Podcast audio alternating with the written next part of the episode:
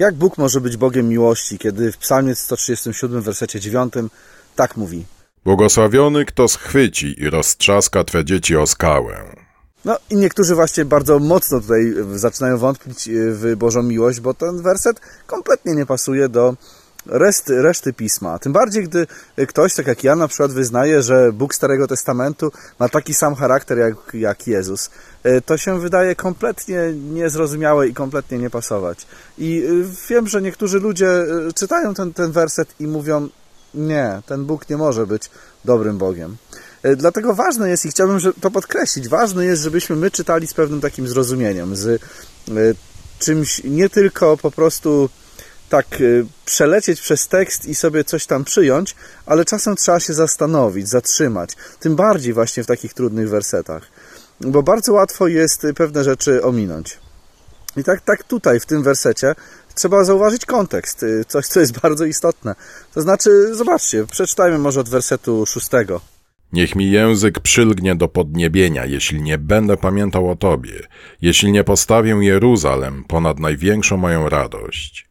Pamiętaj, Panie, synów Edomu i dzień Jeruzalem, gdy mówili, zbóżcie, zbóżcie je aż do jego fundamentu. O córko Babilonu, i Ty będziesz spustoszona.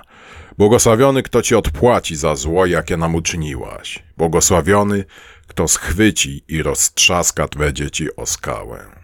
Czyli pierwsza rzecz jest taka, że tutaj to trzeba wyraźnie zaznaczyć i zauważyć, że tutaj jest mowa o zburzeniu, o córce właśnie Babilonu, o Babilonie, który zniszczył w okrutny sposób zniszczył Jerozolimę. Oczywiście to, że mieli oni zdobyć Jeruzalem i schwytać tutaj Żydów do niewoli, to było zalecenie Boże, ale nie mieli, nie mieli przyzwolenia do robienia takich okrucieństw, jakie robili.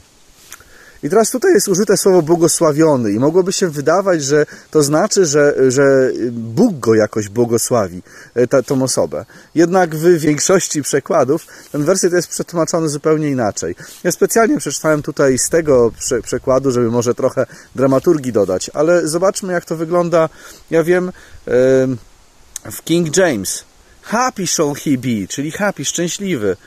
Tak samo w Updated King James, w z kolei Biblii poznańskiej. Szczęśliwi, szczęśliwy, kto ci odpłaci za to, co uczyniłaś.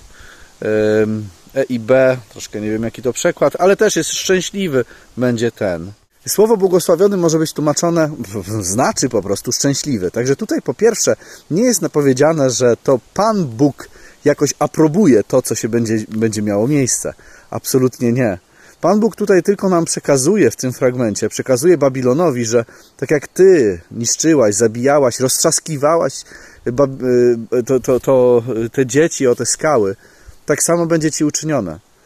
Jest to bardziej ostrzeżenie, jest to taka, takie proroctwo bardziej na to, co się stanie z Babilonem, niż samo, sama, sama jakaś aprobata. Oczywiście każdy z Babilonu miał możliwość, miał możliwość nawrócenia się, miał możliwość przyjścia do Pana Boga. Jeżeli ty może nawet uczyniłeś jakieś straszne rzeczy, to wiedz, że nawet jeżeli taka cię kara czeka, jak tutaj jest opisana, to jest ktoś, kto tę karę wziął za ciebie. Jezus umarł za ciebie na krzyżu, więc ty nie musisz tej ostatecznej kary ponosić. Więc jest to niesamowita wiadomość dla każdego, kto chce uwierzyć i chce zmienić swoje życie i przyjąć Chrystusa jako swojego króla, Pana i Zbawiciela. I życzę Tobie właśnie tego, żeby tak to wyglądało. To były cienie przeszłości, takie trochę w innej scenerii. Cześć.